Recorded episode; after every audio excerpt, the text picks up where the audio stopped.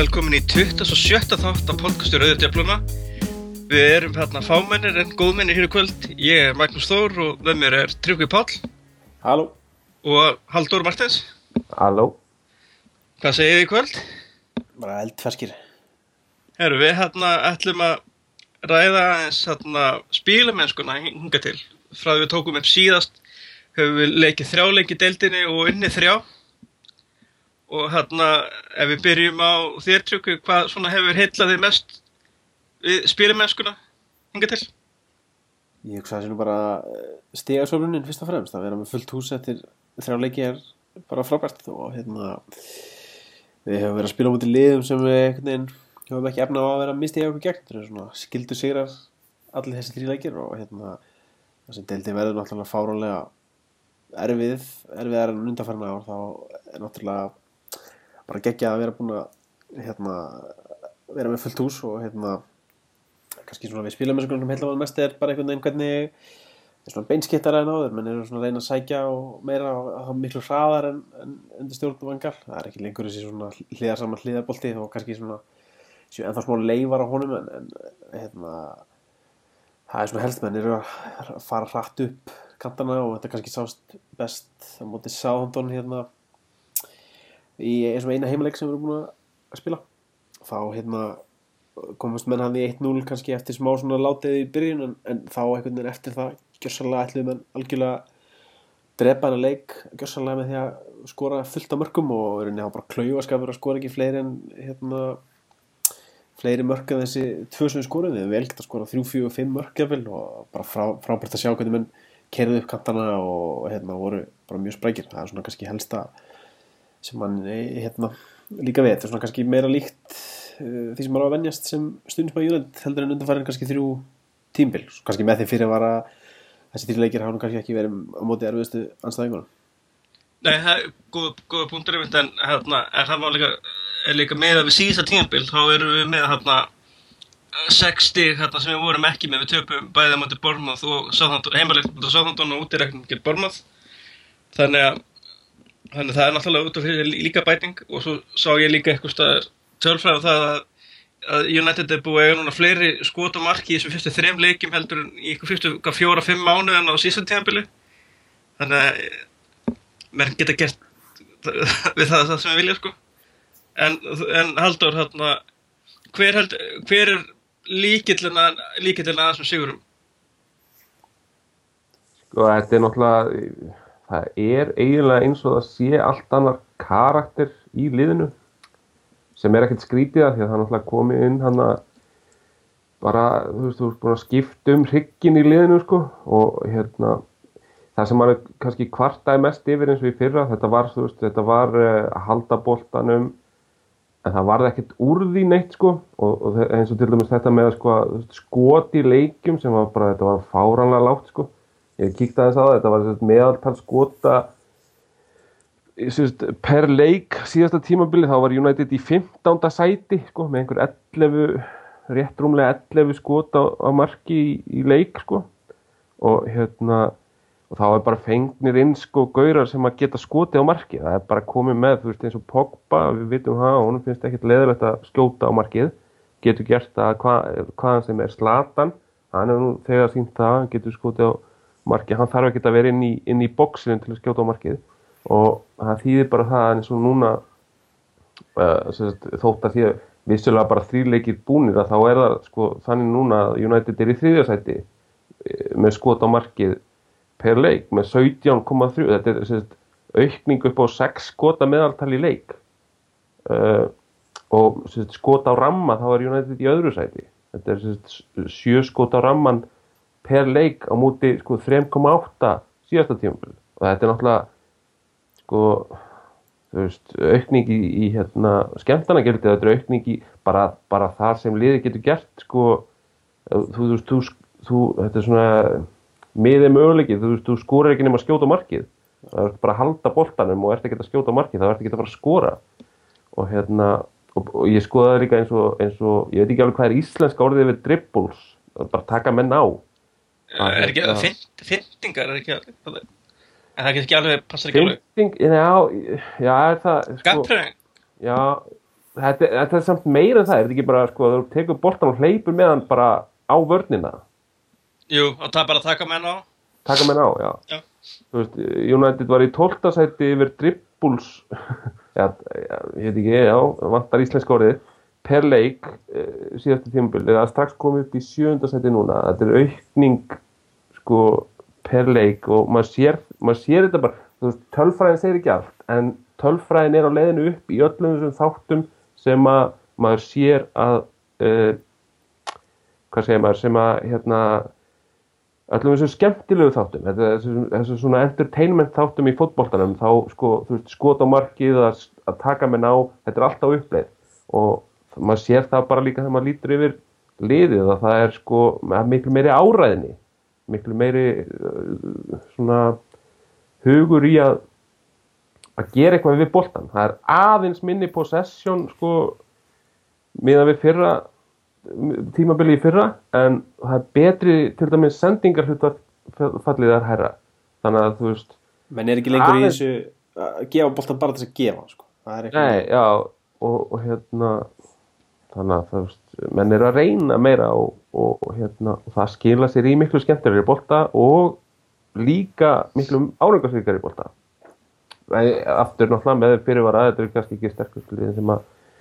við höfum verið að mæta en, hérna, en munurinn er samt svo gigantískur að þetta er þetta, veist, og við náttúrulega höfum séð það bara með að horfa á þessa leiki, þetta er miklu skemmtilega að fylgjast með boltanum sem þeir eru að spila núna sko. Þetta- þetta inn á þetta með, þetta er snarlega ekki sterkustu liðin en, en þetta voru akkurat leikirni sem við, við vorum alltaf í vandræða með undir vangar. akkurat Það var þessi sem maður átti að vinna, það var bara hugmæðin að, að vera svo menn bara, hvað er að gera? Hérna, ég hafði líka, nei þú, þetta, er líka þessi þrýr sigrar eru sko með þessa ólíku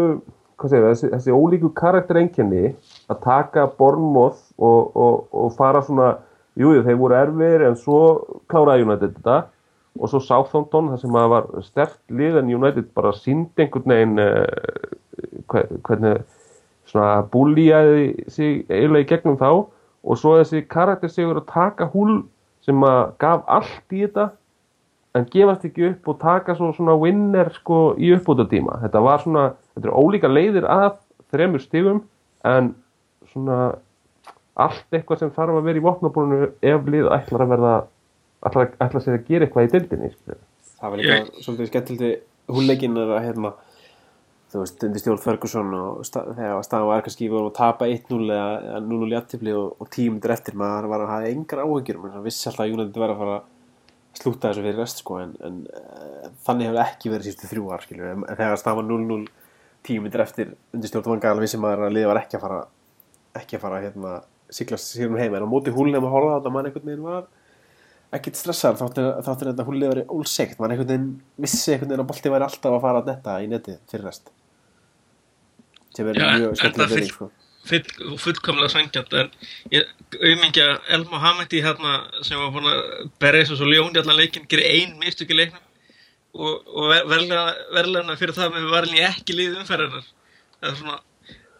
svolítið úsvangjant verður er að Það er harður heimur. En þarna, en við náttúrulega við erum náttúrulega í þessum þrejum leikjum, við erum náttúrulega bara fá, búin að fá okkur eitt mark og, og líkillinu því er þessi fíni varnarleikur sem li, liður sínt og, og við, þarna það kannski líkillinu því er að vörnirnir er búin að vera núna óbreytt þrjáleikjuröð, ég man ekki hvernig það gerðist að við erum nánast með first choice vörnina fyrir þetta náttúrulega smólning sem bara kemst ekki liðið en hérna ef við byrjum á varnleikinu, ef við byrjum á nýja leikmannunum Erik Bæ- Bæli hvað er úr hverju er þessi drengur? Tryggvi? það er eitthvað eitthvað ómennst sko. það er eitthvað úr einhverjum, hérna, einhverjum halastjórnum sem kom hérna verið löngu síðan um, já. Hann alltaf er að fara fram úr okkar björtustu vonum sko, maður svona vissi alltaf að þarna kemi kannski leikmann sem væri efnilegur en, en, en líklega eitthvað óslýpaður sko, en, en allavega með þessa fyrstu þrjá leiki þá hérna virðist hann bara vera fáranlega öflugur og hérna hann er störk, mjög sterkur gríðarlega snöggur, lesleikin vel og er svona búinn að koma upp rosa fínu svona good cop, bad cop dæmi með blind það í miðverinu blind er svona silki, silki mjúkur miðveru sem les leikinn og meðan hérna, bæli er meira svona að redda þessu þegar á þarf að halda. Og þeir einhvern veginn bara saman, tveir eru bara fárlega góðir og einhvern veginn mann, mann held kannski að blind væri á útleið eh, hérna eh, fyrir tímbilið en hann er bara að stimpla sinni í liði rækilega og hérna varandi veist, hann mun kost okkur einhver mörg möguleikur stiga því hann er bara það ungur og reyndur skilur þetta, þetta, þetta er kannski svona þessi kveitibröðsdagar þegar munu enda en þú veist, þegar allt svona er tekið saman þá, þá erum við náttúrulega virðist það bara að vera fárlegt efni í höndunum. Við þurfum bara kannski að vera þólimor þegar, þegar þessi mistu koma á endanum því þau munu koma, það er alveg þannig. Eh, á móti sterkar anstæðingum en, en bara hinga til bara það er ekki alltaf kvart í honum, ekki, ekki neitt sko. Ég, ég verið að segja fyrir mitt leitið að þá hérna er ég hérna svolítið spennt fyrir að sjá hvernig hann og Smóling geti, myndi fungra saman af því að þau eru náttúrulega báðir svona reyfanlegri heldur en blind. Og hérna og, og Smóling náttúrulega hærri þannig að það er náttúrulega hann tala mikið um það að Mourinho vilja hafa há, háa leikminn inn á til að verja þegar svona háa bóltandi fara þetta En, en blind bætir það einhvern veginn upp bara með því að vera alltaf einhvern veginn á réttum stað sko. það er ótrúlega góður, góður eiginleiki en, en það kannski þú veist hann er kannski ekki miðurur til frambúðar en mitt akkurat út af þessum þú veist hann er ekki sérstaklega hávaksinn ekki sérstaklega sterkur og kannski ekki endilega mjög snöggur sko en hann er með mikið fókbalta heila hérna hann eh, hann er alltaf að redda sér eins og við höfum bara séð í þessum fyrstu þrejum leikjum, fyrstu fjóru leikjum hann er bara að standa sér frábælega En geta funkar að haldið í aftastur í þryggja manna miðju með smóling og bæli fyrir aftan sig? Mögulega var það að halda sko. Um, Það geti bætt upp fyrir, þú veist, ef hann skildi einstakasölu missa menn framhjusverð minna sem við veitum að mun gerast. Já, það var pottet að nota og það er þetta fárlega fjölhæfi leikmaður og Hann er það að klikka um playmaker sko. Já, og mínu myndi er fá, væri fárlegt að losa sig við hann. Að þreita ást að hann sé ekki, þú veist, uh, topp miðurveru skilur, það er, minna, hann getur leist alla stöðunar hann í vörðnin nánast á þess að svona lendi tölvur vandræðum og hætti að nota hann miðinni, bara allir leikmaður sem sparar, þú veist það að vera með auka leikmann í leikmann Það er líka, er, er líka öflugur backup fyrir sjó hann að vinstra megin? Hann fant að góður uh, bakverður þegar ef, ef að því þarf að halda sko En það er svona einhvern einmitt sko og, en, en þetta er náttúrulega allt með þeim fyrirvara eins og við sagt sko að veist, þessi, þessi þrýra anstæðingar þetta er kannski ekki toppklassa toppklassa anstæðingar og ég menna þessu stóru prófun eru framöndan og hérna veist, þá kannski fáum við virkilega að sjá hvað er hvað, úr hvað þessir bæði þessi miður eru og líka kannski bakverðin tveir eru, eru gerðir úr sko hvort þetta sé hvort þetta sé fyrir alveg eða ekki það komir óvart með samt sko Bailey í að, að hérna hann var miklu betri uh, hann var miklu betri á boltanum en ég átti von á. Ég, hérna, þegar maður sá hann fyrst þá held ég að hann væri svona þessi típa sem væri bara þessi eh, krafta kökkull svona þessi gaur sem væri bara harður og, og hérna svona kannski tæklari og bara no nonsense gæi. Og hann er það en svo getur hann líka bara með hvorri löppinu sem er skila boltanum bara ótrúlega vel frá sér og hérna ekki endilega tekið einföldustu möguleikana heldur uh, hugsa meira um að um, um sóknaruppbyggingu og búið eitthvað til og hann er svona, hann er náttúrulega engin blind þegar það kemur á því en hann er samt sko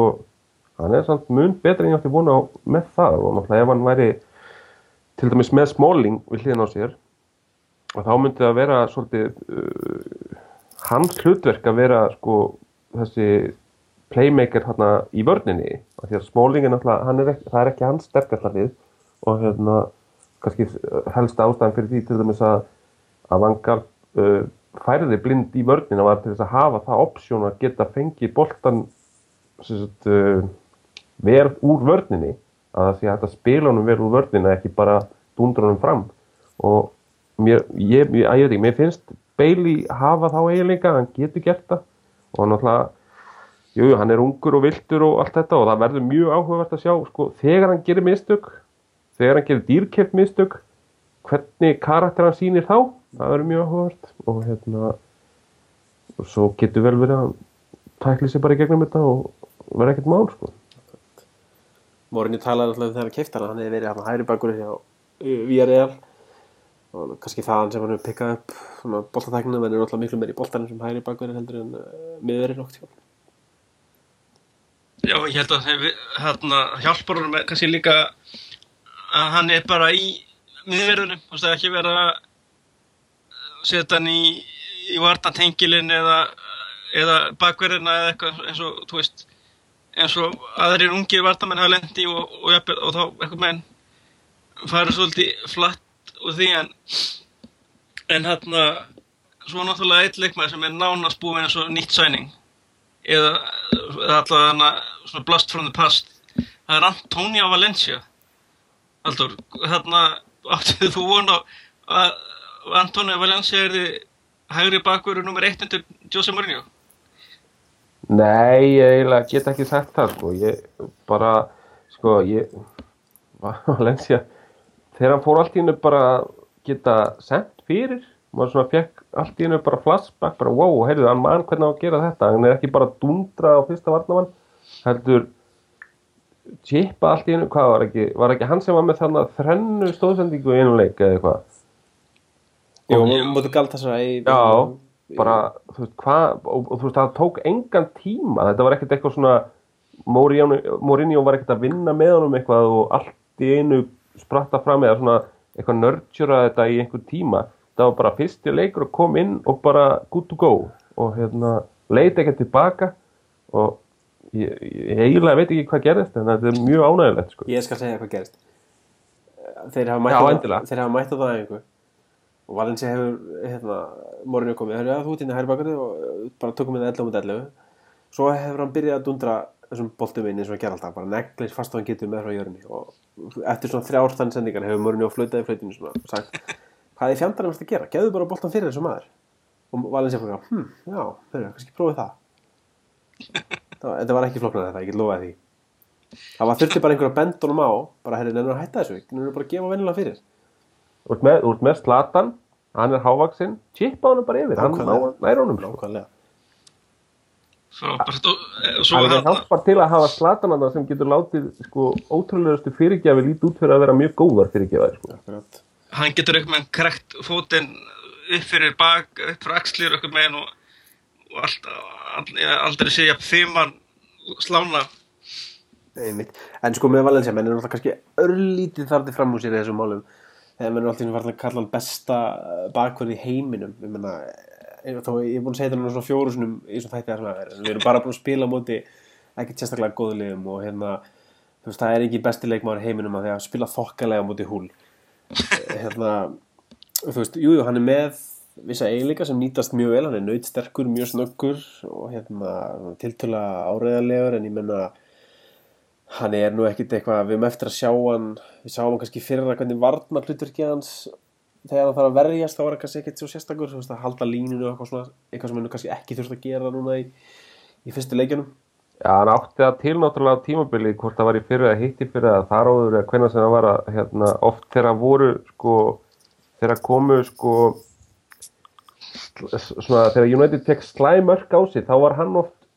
ekki inn í myndinni. Þá var hann einhvers staðar bara há, hátt upp á vellinum og bara ekki til staðar eða komin út úr stöðu eða hann náttúrulega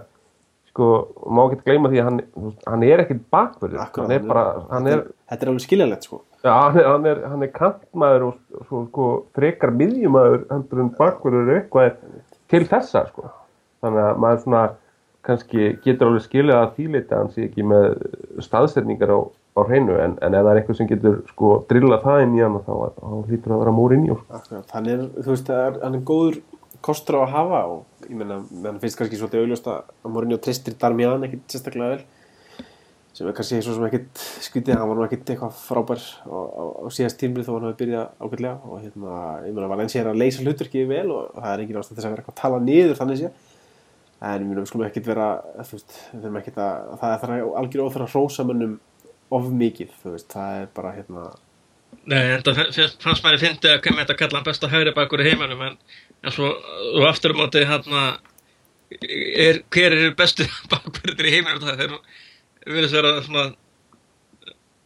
ekki hérna margir. Nei, nei, það var náttúrulega Herrera sem sagði þetta og Herrera er sko hann er ákveðin típa sko. Hann er, hann, hann er, er svona hress og svona jákvæðar spámari já, já, og svona sumi myndi kannski segja einfaldur en á mjög jákvæðan hátt. Hann er svona, já, er ekki beint fóru skamp en en hann en svo er annar leikmar sem hefur verið koma tilbaka öðru vísi Luke Shaw sem að á síðasta tímabili byrjaði svakalega vel og og hann var að nánast allt í öllu hérna í svoknarleiknum vinstri bakurir en svo, svo fótbrotnar hann svakalega illa og svo náttúrulega verið ykkur það í viðtalið núna um daginn að að hann gætt ekki lappað og, og, og sásökinn hann hann svona óbærilegur. Svo mætir hann bara núna undirbúðistímabili og fyrstu leikina og er bara eins og hann hafi ekki misnitt úr. Hversu mikilvægt er að fá sjó aftur í gang stakar byrjum á þér eh, Tryggvi. Það er alltaf bara ómetalegt ég er alveg á því að hérna, tímbili fyrir það hafa verið eðilast þegar hann mettist sko. það er einhvern veginn riðlaði gjörsanlega öllu sem er kannski svolítið fárlít með að við erum alltaf bara vinstir bakurur en hann er bara örgur í öllu sinum aðgerðum. Hann er, þú veist, fer fram og tilbaka og að drekka vatn. Hann er, hann er virkilega öflug og sóknarmæður nei, bakurur, vardamæður og ekki síður í sóknarmæður og bara er einhvern veginn, þú veist, svona leikmaður sem það þarf ekki að hafa áhyggjur af, hann bara skilur alltaf sínu og rúmlega það. Og það er bara, þú veist, svona sem liður í hérna varnar keðjunni og ómeðtilegt að hafa svona leikmann. Og hérna hann bara á eftir að svo lengi sem þessi meðsli eða einhver annar meðsli takkir sig þá þarf að vera það næstu tíu árin og maður þarf ekki að hafa áhyggjur af þessu stuði. Þetta er svona eins og þegar Patrís Evra var upp á sitt besta sko, maður bara það er bara einn maður nánast fyrstur á blæði og og hérna hann líka til dæmis á móti húl þú veist það var hann sem átti sendinguna hann á, á, á Wayne Rooney. Og þú veist við býðum bara eftir að hérna hann þessi sprettir hans sem loft góðu hérna skýli kannski einhverju svona marki eða stofsningu það var gaman að sjá hann skora marki er, ekki, er hann nokkuð búinn að skora marki við þetta? Ég held ekki. Nei, ég held, nei, ég held ekki. Þannig hann er alltaf svona þú veist næstu búinn að hérna koma sér inn í tegin á hann aðeins skoti eða gefa boltan og hérna var að var virkilega gaman að sjá þegar hann hérna næra skora mark því eins og segja hann er alltaf búinn að vera þetta sumar og vetur síðast tímbil gríðilega rétt búinn að leggja fáralega harta sér að koma tilbaka og, og svona, svona bara vona að hann uppskýri það eins og neyði skilið sko. hann er hörku duglur og verður svona mjög svona góður karakter þannig að maður svona er sem er já- jákvæmt það er, er ekki með þannig með alla unga leikmenn og svo var náttúrulega gaman þegar við vorum að spega með um daginn hann og eh, Mourinho að, hann, að þegar hann vildi ekki fá hann til Chelsea út að hann var ekki tilbúin að borga svona há laun. Hann spurði spurning hvort að Já, mér varst einmitt þessi viðtöl við hann sko gáfi mig eða svona viðtalið sérstaklega eins og með meðslinn og líka með sko það, það sem hann var að segja með af hverju hann valdi United frekar en Chelsea þetta, sko, fyrstulega þetta með meðslinn að þetta einhvern veginn eh, það var eiginlega hálf sjokkandi að lesa þetta því maður vissi að meðslinn höfðu verið slæm maður vissi að þetta höfðu verið uh, mikið mál að, að ná sér eftir þetta sko en að bara lesa einhvern veginn veist, hans upplifun af þessu uh, það setti þetta í einhvern veginn samhengi þannig að maður svona að fekk aldrei á manna veist, hvað þetta hefði verið sko, ba bara virkilega erfitt andlega ekki það, þú veist maður veit alveg að það er erfitt að gangi ekki nú meðsli en það einhvern veginn gera það að verkum að maður svona kann ennþá betra að meta hvaðan er að koma sterkur inn eftir þetta allt saman. Og hérna og líka þetta með það sem hann var að tala um sko þegar hann valdi Manchester United fram yfir Chelsea að þá voru það bara fótboltalegar ástæður fyrir því. Hann, hann, þvertekur fyrir því að þetta hafi bara verið peningar. Hann sagði bara það að Mourinho var með sína varnarlínu sem hann var mjög ánægð með og hann sá bara fyrir sig að Evra var að hætta hjá Manchester United hann sá bara fyrir sig að það er meiri sjens eðlulega að hann gæti fengið tækifæri fyrir og spila meira hjá Manchester United. Þess vegna var valdan Manchester United.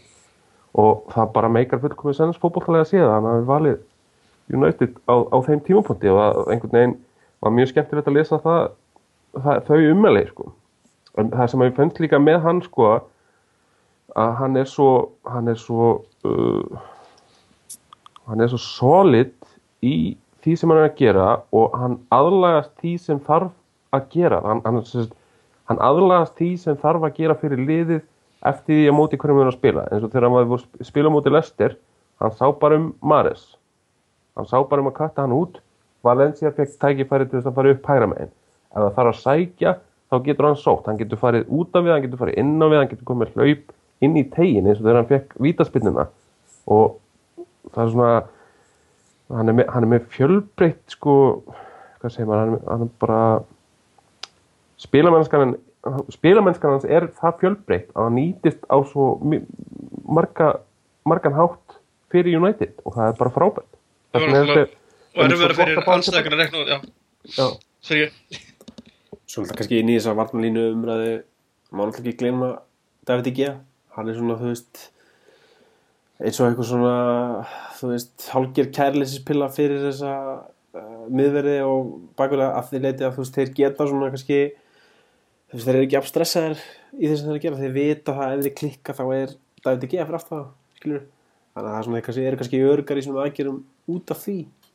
þannig að það, þú veist, algjör svona algjörstu örgisbelti að vera með David G. hann í markinu það sé ótrúlega gríðarlega mikil munur á því að hafa hann fyrir aftan sig sko. tala nú ekki um ef, ef að til dæmis að væri eitthvað svona drama eins og ekki það að kannski hafi háð mannstætt sitt í mikið en þeir eru reynda búin að fá sér mörk í, í öllum sem leikin þegar að spila til þessa. En ef það er eitthvað hringla á markmanni þá hlýtur að hafa áhrif á varnarvinna Við talum ekki um þegar er, er að fara líklega að byrja með markmann sem hefur ekki spilað með neinum eða undir neinum þarna hjá City, það er náttúrulega mikið gambúl en hérna við kannski komum með- inn á það á eftir þegar við hérna fyrum í hérna í leikin gegn City en hérna ótrúlega að það er ennþá fleiri leikmenn sem hafa verið að- bæta leiksin og það, það, það er fyrir fremst til flokki jafnvel Marwan Fellaini. Það er viðustur með hö- hörku gott attitút alltaf þegar maður heldur að að hún veri hengt út og það aukmenn er hann alltaf nær hann aukmenn að vinna sig inn í liðið óháð þjálfara þarna haldur er fella inn í, er hann ekki bara er hann að fara eitthvað? Ég eini, hann er ekki að fara neitt maður. Hann er bara komin til að vera. Og bara sem betur fer, ég held að þetta er svona karakter sem að er gott að hafa. Þú vilt hafa hann gaur með þér í líti frekar en á móti þér, það er bara þannig og hérna þetta er svona áhugaverð pæling sko, það er, oft verið að tala um þetta sko að það sé verið að spila leikmennum úr stöðu. Það sé verið að spila hinum og þessum út úr stöðu. Eins og til dæmis með Martial að það sé verið að spila honum út úr stöðu þótt hann eigi fleiri leiki á kantinum heldur en frammi. Og með Fellaini það, hérna, það er alltaf verið að tala um það sko, þetta er einhver, einhver hóluleikmaður eða einhver svona maður, target maður eða whatever frammi. Sko, í gegnum hans feril þegar hann var að spila til dæmis sko, áður en að Mois kaupir hann til Everton, þá var hann að spila hjá Standard Lies í, í Belgíu. Þar var hann sko afturleikjandi miðumæður eða box to box midfielder, hann var aldrei hann spilaði aldrei í hólunni þar. Hann spilaði aldrei í hólunni á belgíska landslinu það var, það var David Moyes sem að byrjaði því að spila honum í hólunni sem sko í rauninni eitthvað svona dæmi sem að hentaði Everton á þeim tíma að spila sko fjóri fjórir einn, einn eða eitthvað svona. Og hérna, hann nýttist þeim frábærlega þar en þetta er ekki, það, það var að spila hann úr stöðu í rauninni. Þannig að þetta að vera að fá hann þarna við hliðin á til dæmis Pogba sem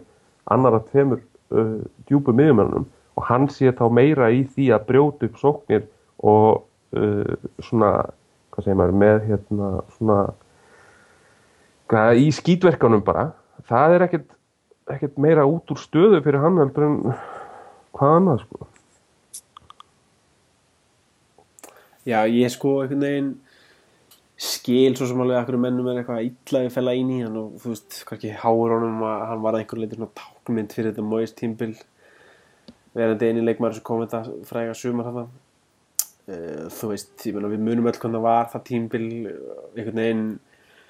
Kristallast best hafa í á móti bæjan einhvern veginn þegar hann fekk boltan og vann hann yfir um tegin og ætlaði aldils að skeiði upp í sóknuna en enda bara þegar hlaupa með boltan út af á hliðalunni en ég menna þú veist hann er á þessi tímbili og þá við náttúrulega rættum þetta svolítið hann við leikskýstunni við húlleikin og, hérna Runolfur kom með ansi gott komment þar sem hann svona benti á bara hvað tölfræðin er svo góð en auðvitað segir kannski tölfræðin ekki alla söguna eins og þú myndist á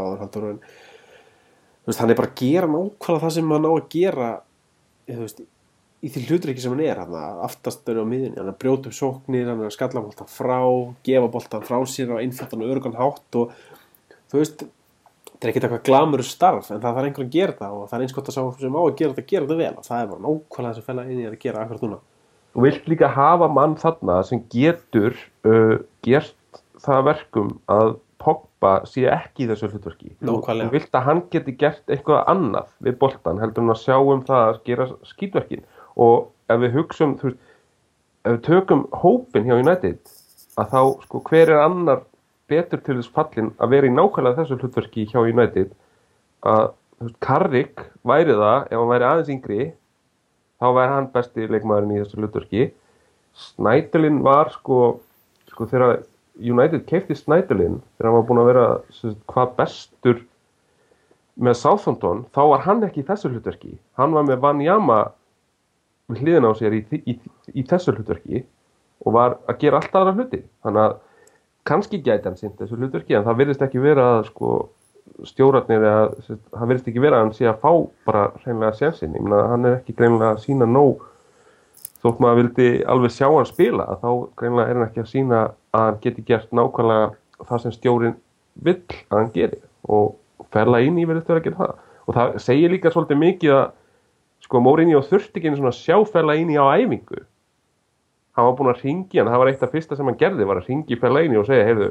bara ekki hlusta á blöðin ekki hlusta á neitt kjaftaði þú ert minn maður, ég treyst á þig. Hann greinilega var búin að sjá eitthvað í honum áður en hann kom til United áður en hann stýrði sinni fyrstu æfingun.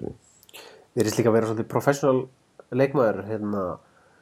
Það var góð punktur sem varst að segja með hlutverkin með sem er mismöndir hlutverk sem hann spilaði og hérna náttúrulega sagan segir að ástæðan fyrir því að fella ín ég var einhvern veginn alltaf komin inn í hópin hjá Van Gaal uh, þráttur að vera meittur og á þess að spila þessa frægu þrjáfjóru leiki í varliðinu og varum enn mættu koma aftur í liði var að hann var uh, þú veist, sá leikmaður í leikmannhófjúnan sem læði eitthvað mest á sig við það að að læra hennan leikstíl hjá Van Gaal. Og þú veist, og hérna, þau tókum bara hvernig hann einhvern veginn breytti leiksinu fyrir Moyes spilar allt annan hlutverk á Belgíu og er núna komin í ennett hlutverki hjá United skilur hann svona er verðist svona að vera tilbúin að hlusta hvað stjórinn hefur að segja sem er náttúrulega eiginleiki sem eh, leikmenn hafa ekkit endilega í dag margir hverja minnst veist Svo er hann líka bara geggjaður í að taka boltan á brjóstkassan. Það er það er, að, það er, það er engin tölfræði við það í FIFA, en það þyrft að vera þegar maður sér fæla inn í spila fókbalta. Sko. Þetta er, ég skil, að mér aldrei ekki sko. En þó að, svo er hann líka mjög góður í því að hérna, olbúa leikmenna að með því að komast upp með það sko. Það sem er hérna ágæts eiginleiki þegar hann spila fyrir þetta eiginleik sko. Já, ég, ég er samt að segja, sko, þegar Mata skoraði þarna jöfnunumarkið í FA, þannig að byggjar úslitareiknum, þetta var stóðsending frá fæla inn í með kassanum, sko. Hann setta bara kassan á Mata, þetta var, þetta, ég hefur segja, þetta var viljandi, sko. Þetta, alveg, hann ætlaði sér þetta, sko. En þarna, ef við förum úr þarna, færum okkur í kannski svona síðasti svona leikmann sem hefur spilað vel sem við ætlum að taka fyrir akkurat núna. Það er Zlatan Ibrahimovic. 34 ára og er bara og er eh, bara eitt bestið framherri núna í dildinni. Ég spurði áðan úr hver Bailey er svona meira hérna í ganni er svona, er svona meiri alvöru úr hverju er Zlatan. Tryggvi. ég veit ekki það, það er eitthvað yfirnáttúrulegt sko. það er ef ég segja, ef Bailey er gerður um einhverjum halastjörnu þá, er, þá kemur hann úr einhverjum alltaf um heimi þú veist, ég, ég hef einhvern veginn alltaf verið að synda gegn ströfnum, mér er alltaf fundist Zlatan vera eitthvað svona hálf tilbúin karakter einhvern veginn hannar á auðlýsingastar sem en ég einhvern veginn þarf algjörlega að geta þann sokk í mér núna, ég er ekki svo maður ekki svo dýrkar hann gauður eftir hann er komin til til hérna United að indislegt að sjá hann og líka hann kemur hann svo óvart sko, hann er svo hann er svo baráttu glæður og bara þannig fyrsta leiknum mútið bornum á það útivelli þegar hann let sér vafa inn í tvo leikmenn til að vinna skallamáltan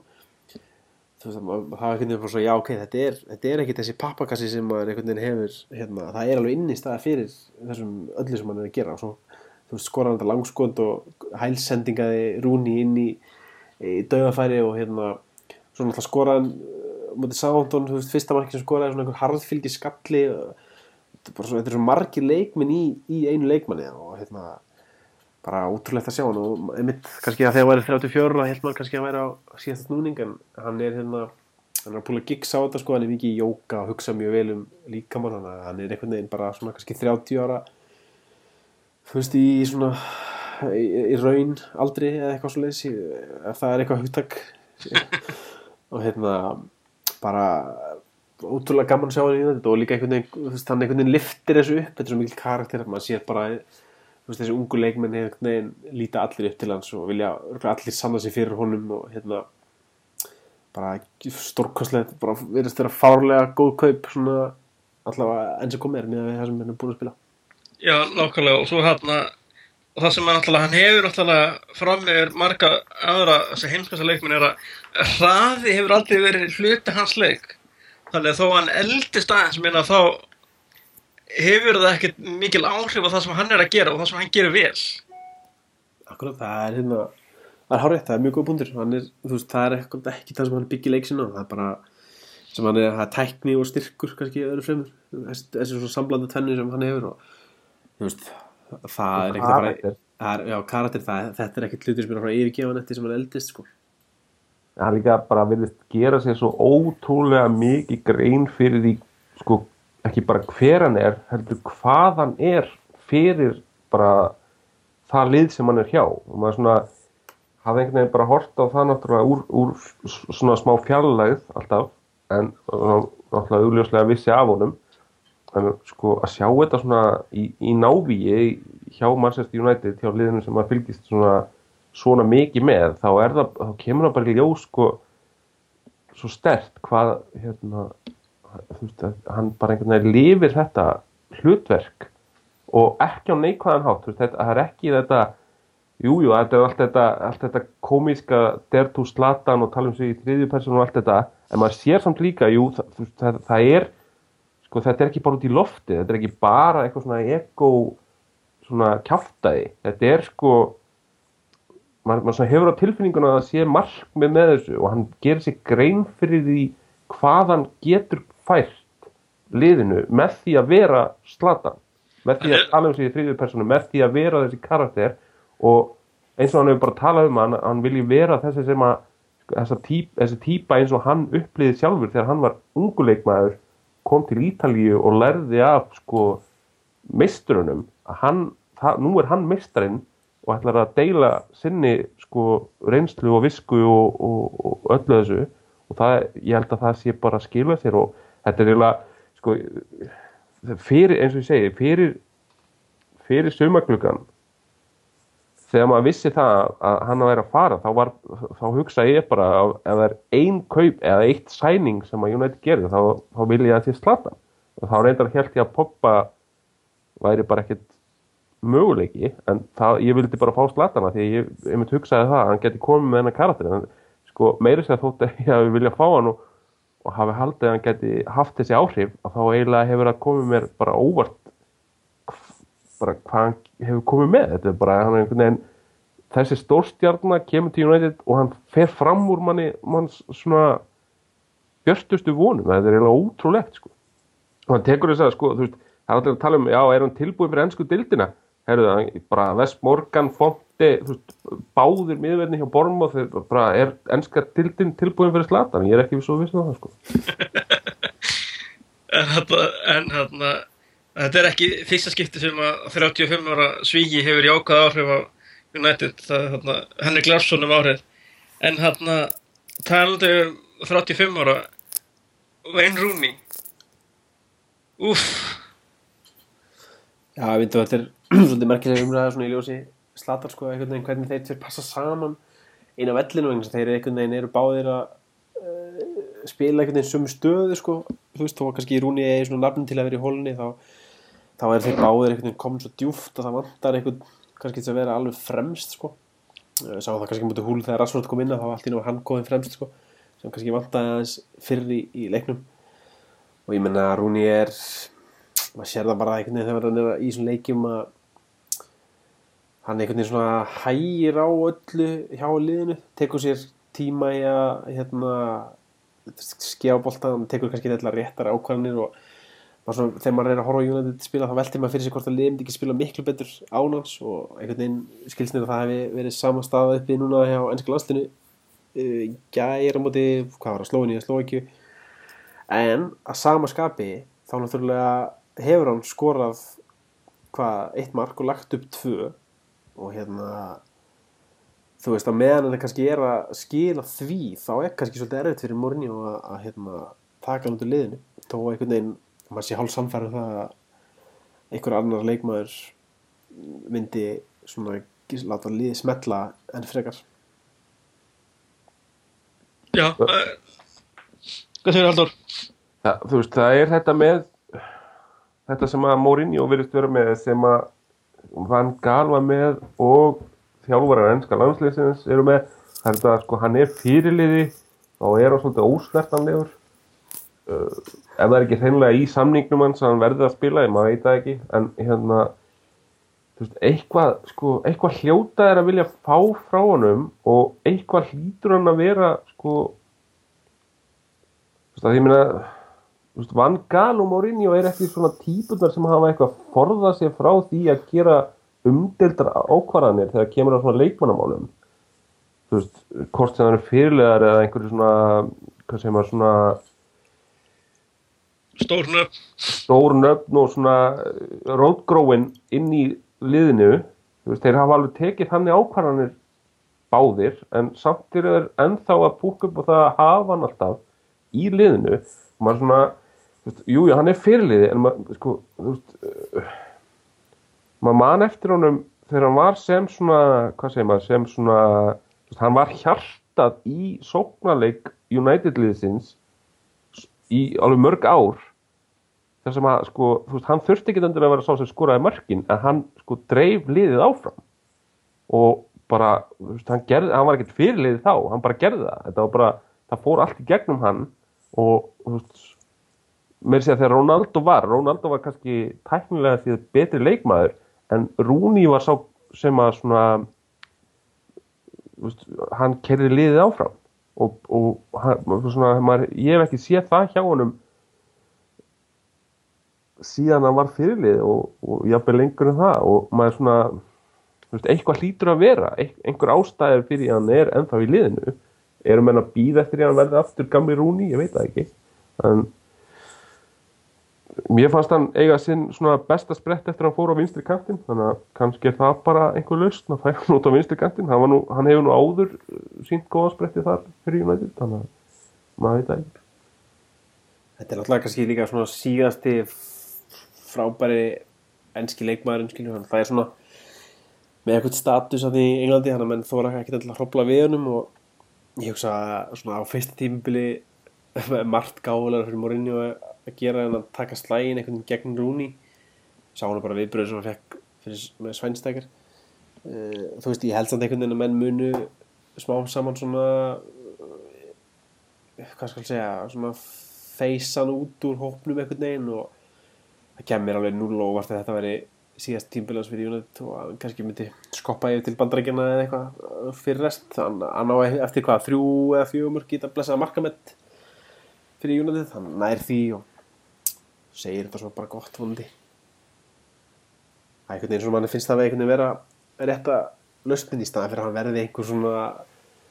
hann er náttúrulega pínu bleiku fíl í hann er kannski bleiku fíls ungi núna í herbygginu og, og hérna þú veist, en, þú veist hann á eftir, eftir sem ári líða þá er þessi fíl bara eftir að stækka. Og bara því fyrir sem eftir að einhvern veginn komið vekk fyrir það. Að því maður er svolítið pyrrar á einhvern veginn hvernig hann fær alltaf einhvern veginn svona sér með þeir hvað skal ég segja, hans svona arfleg hefur þetta verið einhvern veginn skemmt af því. Menn þurfa einhvern veginn að þekkja sinni í vítjunum tíma og, það var engin betri Ferguson í því að, segja nóg er nóg. Og það er svona þarf það þarf einhvern veginn fljótlega að fara að segja stopp. Ef, að- Ferguson hefði að ráða þá hefði Rúni farið fyrir þreymur árum. Já, já, mér þú veist að hann einhvern veginn sá þetta fyrir, þetta væri kannski og það hefði bara, þú veist, með það hefði það kannski ekkert verið galið. Hann hefði kannski átti eitt gott tímabil eitthvað staðar og, og svo og svo búið ég menna ég sé ekki við mér að City hefði haft þólimaði fyrir honum eða Chelsea. Er líka, það er líka bara svo veist, það ekki þekkt fyrir þólimaði Nei, það setur, setur þetta líka í samhengi þegar maður er að horfa á það. Við höfum veist, Mkhitaryan á bekknum við höfum Rashford á þú veist, meira sem Memphis á, veist, utan hóps eða eitthvað. En, en þegar maður hugsar sko, þegar maður skoðar möguleikana sem eru hverjir gætu við þarna inn á að byrja leiki í staðin fyrir rúni að það, það, það einhvern veginn gerir mann enn pyrraðri á að þetta sé bara svona veist, eins og eitthvað svona náttúru lögmál að hann þurfi að byrja alla leiki. Og ég meina veist, það væri voða fínt ef það myndi bara verða aftur gamli rúni en er það að fara að gerast? Ég svona, sé það ekki gerast Nei, en kannski ef einhver stjóri geti ítt honum kannski nálagt í svona í þá átt allavega að verða mögulega Mourinho. En það er annar leikmaður sem að sló bara þvílít í gegn í fyrra og var, eh, hérna, var bara ein, einu, í einu leik bara upp ást leikmaður margra Anthony Martial. Hann er ekki alveg að, að finna sig. Og hérna svo eitthvað hann til eitthvað er svona engalífs erfileikar sem maður kannski er, eru eðlulega að hafa áhrif en, en ættu við vera, eigum við vera að hafa eitthvað áhyggjur á hann Tryggvi? Já, nei, ég held að það sé kannski aðeins svo snemt, ég menna hann er náttúrulega bara hvað 20, og- 21 ás, ekki satt? Og hérna það eru 21 árs í desember? Já, einmitt og hérna það er kannski ekkit óalgengt að menn kannski upplýði smá lægið eftir dundur tímbil og hann er kannski svolítið að fóta sig á þessum topp hérna, topp topp fótbolta leveli. Og ég einhvern veginn þú veist, hann er að koma sér í færin og hann er að hann er búin að leggja upp einhver, hvað, 2-3 mörk ekki satt á þessu tímbili, hann laði upp 2 á móti Bornumóð og þú veist, þetta er bara svona spurningum að held ég að taka næsta færi einhvern veginn. Og þá fer þetta detta inn og hann hérna þarf kannski svolítið pláss á vellinum. Sá hann kannski best móti Sándón sem var hans besti leikur þó hann er kannski klúrað einhverjum einum, tveim leikjum og líka móti bornum og það þegar hann fekk, þegar liðina einhvern veginn náða að tegja á anstæknum þá einhvern veginn blómstraði hann gjössalega og það, þú veist, það einhvern veginn gekk ekki upp á móti hull. Þá einhvern veginn var þetta rosa þéttu pakki á en þú veist, í svona leikjum og eins og Old Trafford þar sem völlurinn er breyður sem við náum svona spila fram og tilbaka og, og breyka hratt þá held ég að minni bara, þú veist, eiga flott tímbil. Þetta spýst held ég bara um að skora þetta eina mark og kannski ná já, hann hefur kannski orðið fyrir einhverjum vombriðum með þetta. Ef, fekk ekkit og var kannski mikið búist eða þar og hann kannski fekk ekki að ljósið skína og fekk spilaði hvað, kom hann ekki bara inn á einhverjum einu tveim leikjum og náðu kannski ekki alveg að grípa gæsina? Ég byrjaði allir að spila eitthvað, eitthvað 65 mínútur á mótur Já, þannig að, þú veist, kannski og einmitt þessi, engalýs vandamál eh, hans, það kannski situr aðeins kollinu á hann ég held að þetta sé bara spurningum að vinna aðeins með andlegu hliðina og, og bara nýta næsta færi og það var hann ekkert að líta aftur um öll svo er þetta líka mögulega að einhverju liti taktíst af því að bakverðinir eru farin að fara mun hærra upp. Þannig að hann er að vera sko, það sem að hann þarf að vera að kofvera meira heldur en hann þurfti. Hann var náttúrulega bara hann fremsti maður og hafði í rauninni í minni varnaskildur eins og í fyrra, núna þarf hann að vera svona tóldi meðvitaðri um það hvað sjó er að gera og mögulega er hann þá bara í rauninni eins og þegar hann er að fá boltan þá er hann kannski bara dýpri heldur en hann var í fyrra. Og þá kannski ver, kemur minna úr hann sóknarlega. Þú veist, hann er með betra sendingarlutvall hann er að skila boltan betur frá sér. Þá er hann kannski að reyna meira sem er svona djarfari hluti í fyrra. Það er svona þegar það hefnast þá sko, þá er allir voru kátir og muna allir eftir því. En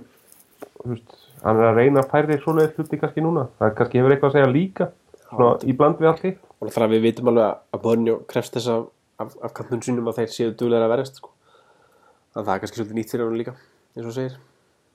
Já, þetta er bara aðlöfum fyrir hann svona, ég, til dæmis, ég gleymi alltaf að hann er ekki orðin 21 þannig að ég er svona hann er alveg fáralega ungur þannig að þetta er svona kannski eðlilegt að þetta er aðeins niður eftir þessa frábæru byrjun en, maður í- maður er ekkert áhyggjur á honum þannig laga hann, hann, hann miklir hæfileikar í honum og hann á eftir að hann á eftir að hérna, standa sig. Herru, frábært hérna En svo náttúrulega komum kannski á aðal þetta aðalatrið kvöldum, það er náttúrulega framundan leikur á móti Manchester City og heimaðalli, fyrsti Manchester darbileikur, það eru Morinni og, og Pep Guardiola að mætast aftur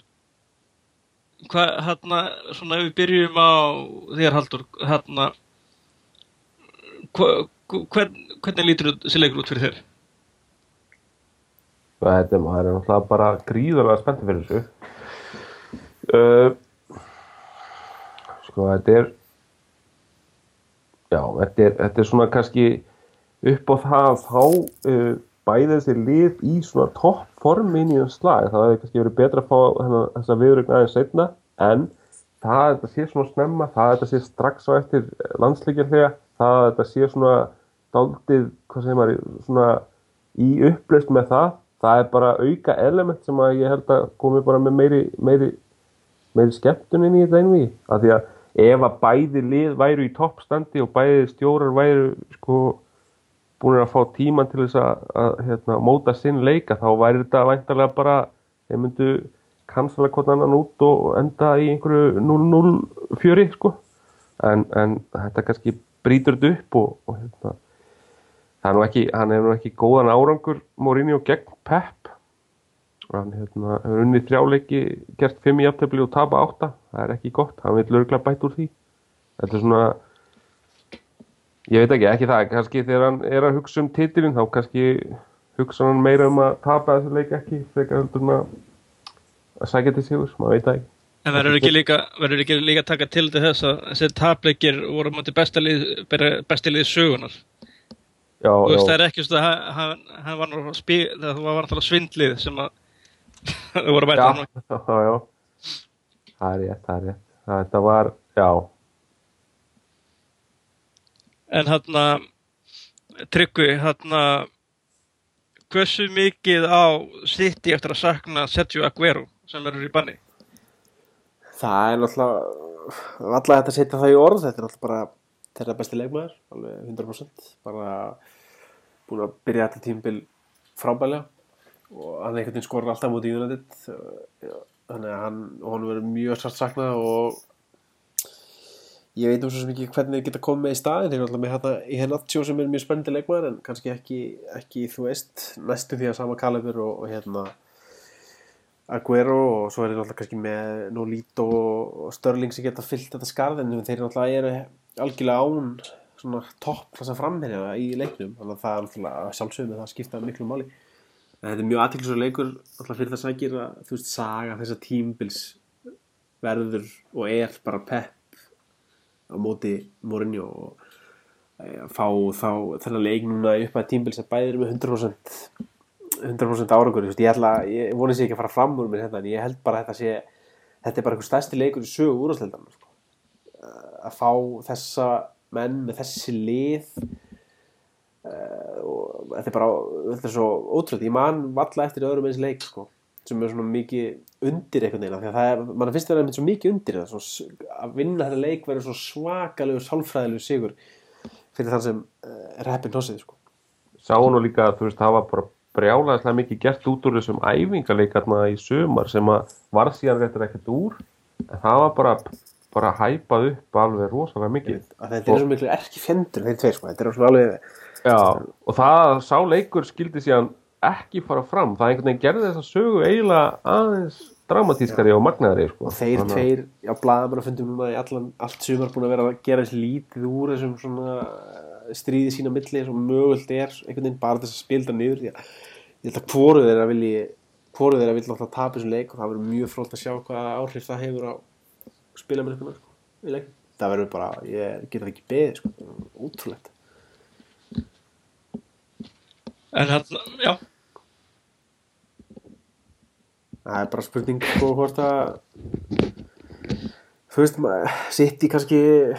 þú veist, þeir eru að spila þeir eru að spila mjög vel. Þá séu kannski galla þegar leikmann finnst vörnið er ekki sérstaklega samfærandi og Aguero færan hans mun vera stór þáttur og, og kannski mann finnst kannski svo United sé með einhvern veginn kraft meira lið það er svona meira power í, í, í hópum okkar, maður velti fyrir sig hvort það mun skipta máli, hvort að við munum einhvern veginn reyna að keira yfir þetta sittilið sem er kannski vantar þessa kraftakalla. Já, nú góða, góða fréttir að fella inn í verið alltaf jafna sig á þessum bakmeðslum það er var mjög áhugavert að sjá sko Pogba og fella inn í að móti einhverju svona f- fíngerðari leikmönnum akkurat David Silva City á miðunni sko. en svo líka náttúrulega eitt sem kemur inn á sem er slendur okkur að, hérna, Valencia verist um, ekki alltaf ná leiknum út af einhverju landsleikja verkefnum hann í Ecuador sko og þá þurfum við að fara að rótira í okkar vörn. Já, og spurning líka með það spurning hvað var í gangi með sjó þetta er mjög dulafullt þetta með að hann skulle hafa farið af því að honum leið ekki rétt Já. eða hvernig, þetta var mjög und, þetta var svona loðin útskýring og maður veit ekki alveg eða, veist, hann, hann var ekki talað um að hann var í meittur en samt að hann leið ekki nógu vel þetta, þetta er svona veldur manni eiginlega smá áhugjum sko, en, en hérna, af því að ef hann er ekki 100% þá, veist, af því að það eru hættulegir menn sem að hann, hann þarf að passa upp á Akkurat, sko. og náttúrulega ef við þurfum að breyta bakvörunum okkar er það náttúrulega ekki gott sko. En maður vonar bara að hann hafi eh, náttúrulega drúgu tími sem hann þá fengið þess að vinna úr þessum, þessum eh, slappleika sínum eða hvað þetta sem var. Svo vonar það að Já, lí, líka bara sko því að veist, þetta er náttúrulega tvöfald af því að bæði er það að reyðlega varnalínunni hefur áhrif á sko þennan sterka varnalík sem að United hefur sínt fyrstu leiknum. En líka það að ef það er einhver svona ef það er einhverja stöður þar sem við getum sko keirt á mannstætti sitt í liðið af því að nú hafa verið sko það sem allir eru búin að slefa yfir þetta með að færa bakverðina inn á miðjuna og allt þetta að taktíska pepp uh, fjör allt saman að hérna að vera að, vera að spila, já, að spila með bakverðina sem sko, einhvers konar auka miðjumenn að ef það er einhver staður sem að, væri hægt að ná sko, Manchester City þá væri það sérst, þegar Man- Manchester United nær boltanum og getur keft á brittina og verið að nýta sér það og þá, þá, sko, þá þurfum við sjó á Valencia af því að Darmian og hvað Rojo þeir væru ekki alveg að koma með sömu og Nei, í þeim stöðum sko.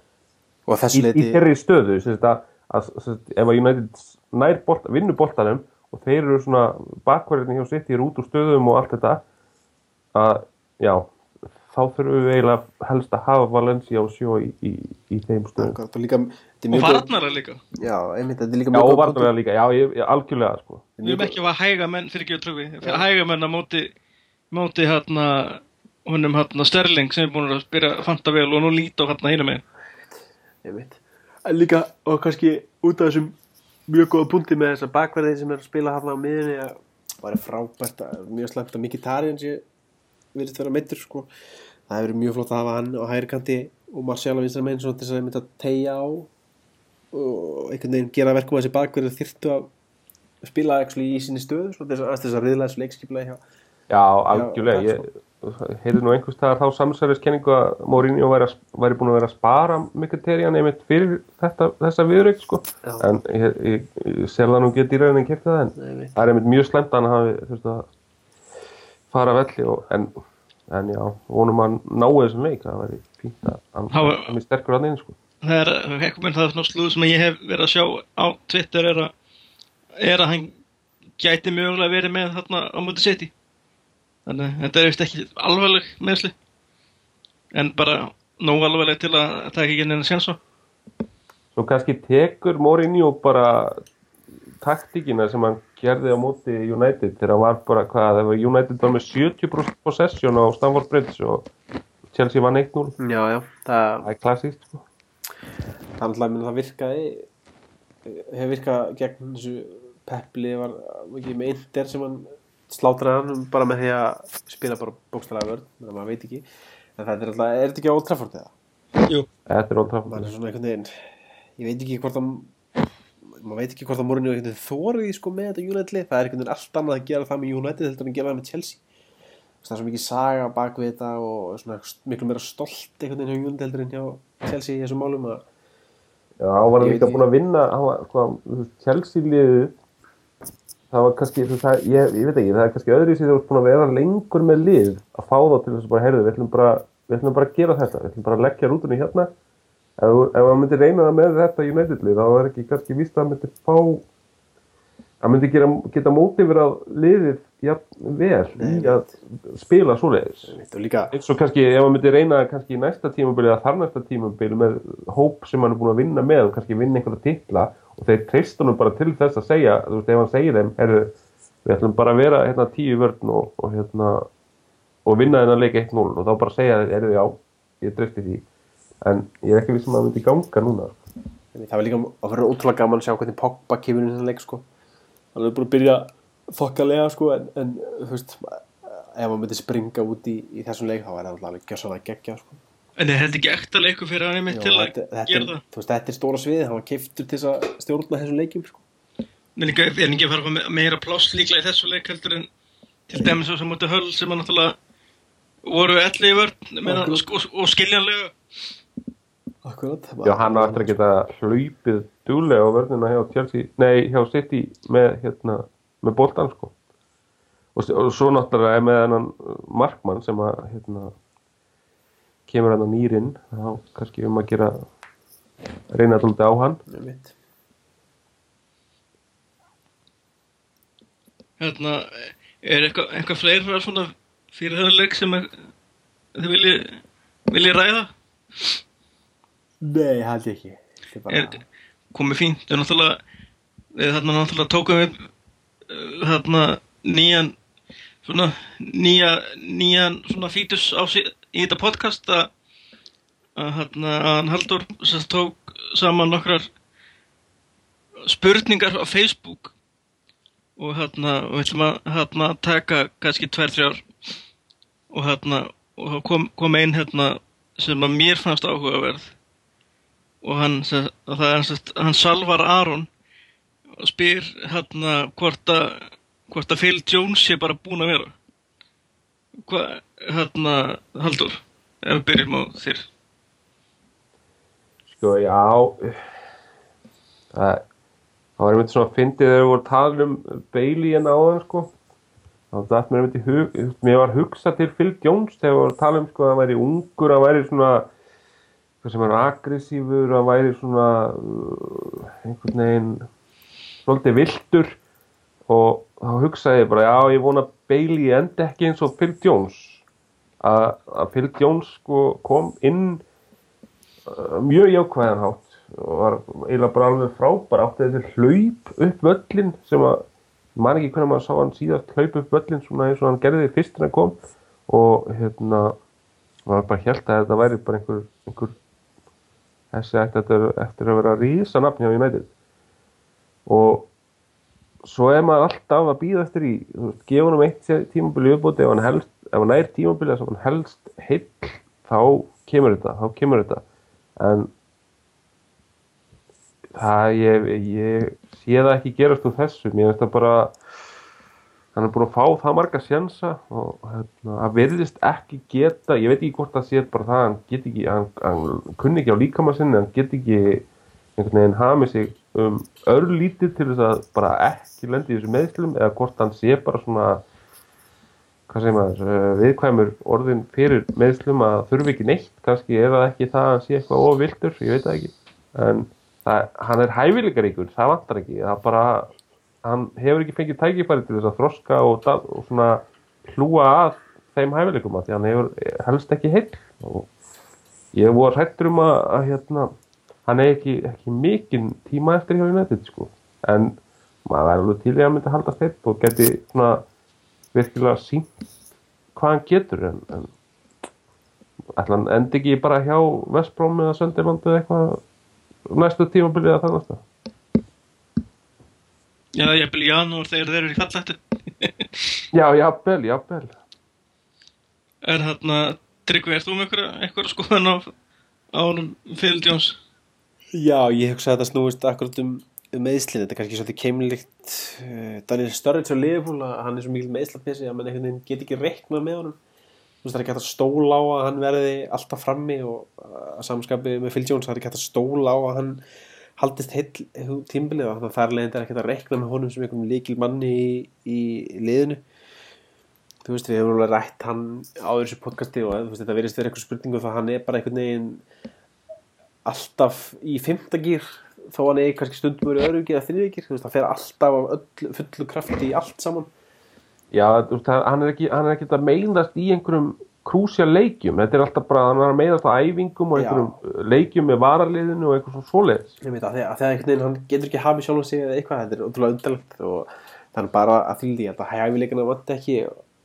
hann og hérna hann, þú veist, lofaði virkilega góðu þessi fyrsta tímbil sko. En bara því miður þá eins og með svo marga þá er það meðslinn sem setja strikir reikningin og ég held að akkurat það minni að hafa einhvers fljótlega allavega. Miður. Já, já, það það verið aðeins svekkjandi ef það er raunin en, en, svo spurning hvort að núna minna álag hann getur kannski að nota neitt nátt leik á hans að meiði sjálfan sig bóstalega en hérna svo hérna fengum við hérna hérna fyrirspyrnum með þetta þetta arsnala mál hérna með þessi sæti þarna hjá Old Trafford, Matt Busby sætin er þetta mesta non-story tímabil sem synga til? Tryggvi? Ég veit ekki, þetta er einhvern veginn, það er landsleikil hér, menn þurfa, bla, blaðamenn, ég er nú einn af þeim, menn þurfa að grafa fréttir, jafnvel þó þessi gurkutíð, sko, og hérna, þú veist, ég hef, get ímyndað mér að þetta sé einhvern veginn svona, einhver blaðamæður eða einhver hafi fengið einhver ábyrningu það að það hafi verið fjarlæður einhver Matt Busby platti eða hvað sem þetta kallast og, þá náttúrulega hugsa maður, býtu, hvað er í gangi? Það er alveg eðlilegt að hugsa, bara hann og skrýta að sé að vera að fjarlæga eitthvað svona eitthvað svona dót sko og svo þú veist, hringir hann í í United og fær þau svör sem virðast vera ósköp eðlega að þetta hafi kannski ekki beint verið platti þetta hafi verið svona merki aftan okkur sæti sem Busby og hérna hvað er ekki bara sínir hans eða fjölskyldan hans hafi átt. En nú eru þeir báðir hvað, látnir eða hættir að koma að leiki þannig að allir í staðinn var ekki hægt, það er ekki hægt að koma þeim fyrir þannig að í staðinn, öll, allir fjölskyldan hans þannig að í staðinn fenguðu ásmiða þetta er svona fullkomlega eðli svör. Blaðmaður fer með þetta til reistjóra sem heimtar að hann skrifa þetta samt sem áður sko. svo fer náttúrulega að skrifa hann greinina og í beðlund er það þannig að það er ekki blaðmyndi sjálfur sem skrifa fyrirsagnar einhver, einhver fyrirsagnarhöfundur hefur aðeins djúsað upp sko. þetta, er, þetta er bara svona klassísk gurkutíðarfrétt Þetta, þetta hljómaði bara eins og þeir hefðu rifið niður einhvern minnisvarða um Matt Busby sko eða þú veist einhverja styttu eða eitthvað. Þetta var svona eins og þetta væri bara eitthvað sem hefði verið þarna bara liggur við síðan Matt Busby var að stýra liðinu. Þetta hefði verið bara þvílíkt nextlið en svo, já, svo var ekki, ekki alveg svo mikið til í þessu sko Nei, þetta hljómaði eins og þeir hefðu sko grafað hann upp kveikt, kveikt í líkinu og svo mýið yfir hann. Viðbröðu voru eitthvað íkt í þá áttina. Já, já, Mér finnst svo sem fullkomlega eðlilegt að einhver hafi að, grafist fyrir um þetta eins og segja, þetta hljómaði miklu verð en þetta er, skilur fyrst, fyrst, en svo kannski eru útskýringarnar og sko bella já, er. það er að tala um, tala um að þetta sé hvað innan við tíu ár síðan að þessi, þessi sæti voru mert yfir höfu þannig að þetta sé ekki eins og Já, þetta þess sé að heldur sko eitthvað, eitthvað, eitthvað sem hefur, hafi verið þarna lengi yfir höfu sko. Ég meina að maður geti bara eins og einhver myndi, einhver myndi segja þig, bara hérna það er búið að fjarlæga hérna, mynda hemma gunn hérna á hlýðar þetta skilur þú, þú hugsa bara, hvað er rugglir í gangi svo kemur ljósa þetta er bara eitthvað svona A4 ljósmynd á hann eitthvað sem var á skrifstofu sko. það voru svona sæ, og, og sæti sem var komin í nýja ramma Já, sæti sem var mert honum eða eitthvað sem, að, sem að hann náttúrulega farin hann getur ekki nýtt það lengi það er bara búið að færa myndina inn. Herru, svo tökum hérna eina spurningu svona í lokin. Hann hérna, vinur okkar Salvar Aron kemur með aðra spurningu og hann vil tala um unglingalið hverjum að fylgjast með og svoleiðis. Og hérna, og ég get glatt hann Salvar með því að að það er bara á leiðinni bara hörku pistill frá mestara Runolfi sem er svona sér um þessi yngri yngri leiða umfyllunin hjá okkur þannig að þú bara, það kemur bara núna í vikunni og hérna Það er alveg óætt að segja að sé margt sniðut í gangi þar sko. það er einmitt orðið svona ákveðin viðstunningu tryggvi hjá unglingulega þegar svona gengi liðan hafi verið bara algjörlega snúið stuð Já það, ég veit ekkert það, ég fylgst ekkert með þessu sko. Þú það segir Þú- mér fréttir þegar þú verður að lesa, þú og Salva, þið Salva lesið það, Kistinat Runús þegar hann kemur. Get ekki beðið. En hérna en þetta verður ekki lengra í kvöld og við hérna og við hérna við sjáumst bara næst. Allir stefnum ekki á að taka upp fyrir mánamót en maður veit svo sem aldrei. Hérna Haldur takk fyrir, takk fyrir samfélgina Takk sem leiðis. og Tryggvi. Nei, þakka þér. Og ég er Maggi og við hérna sjáumst næst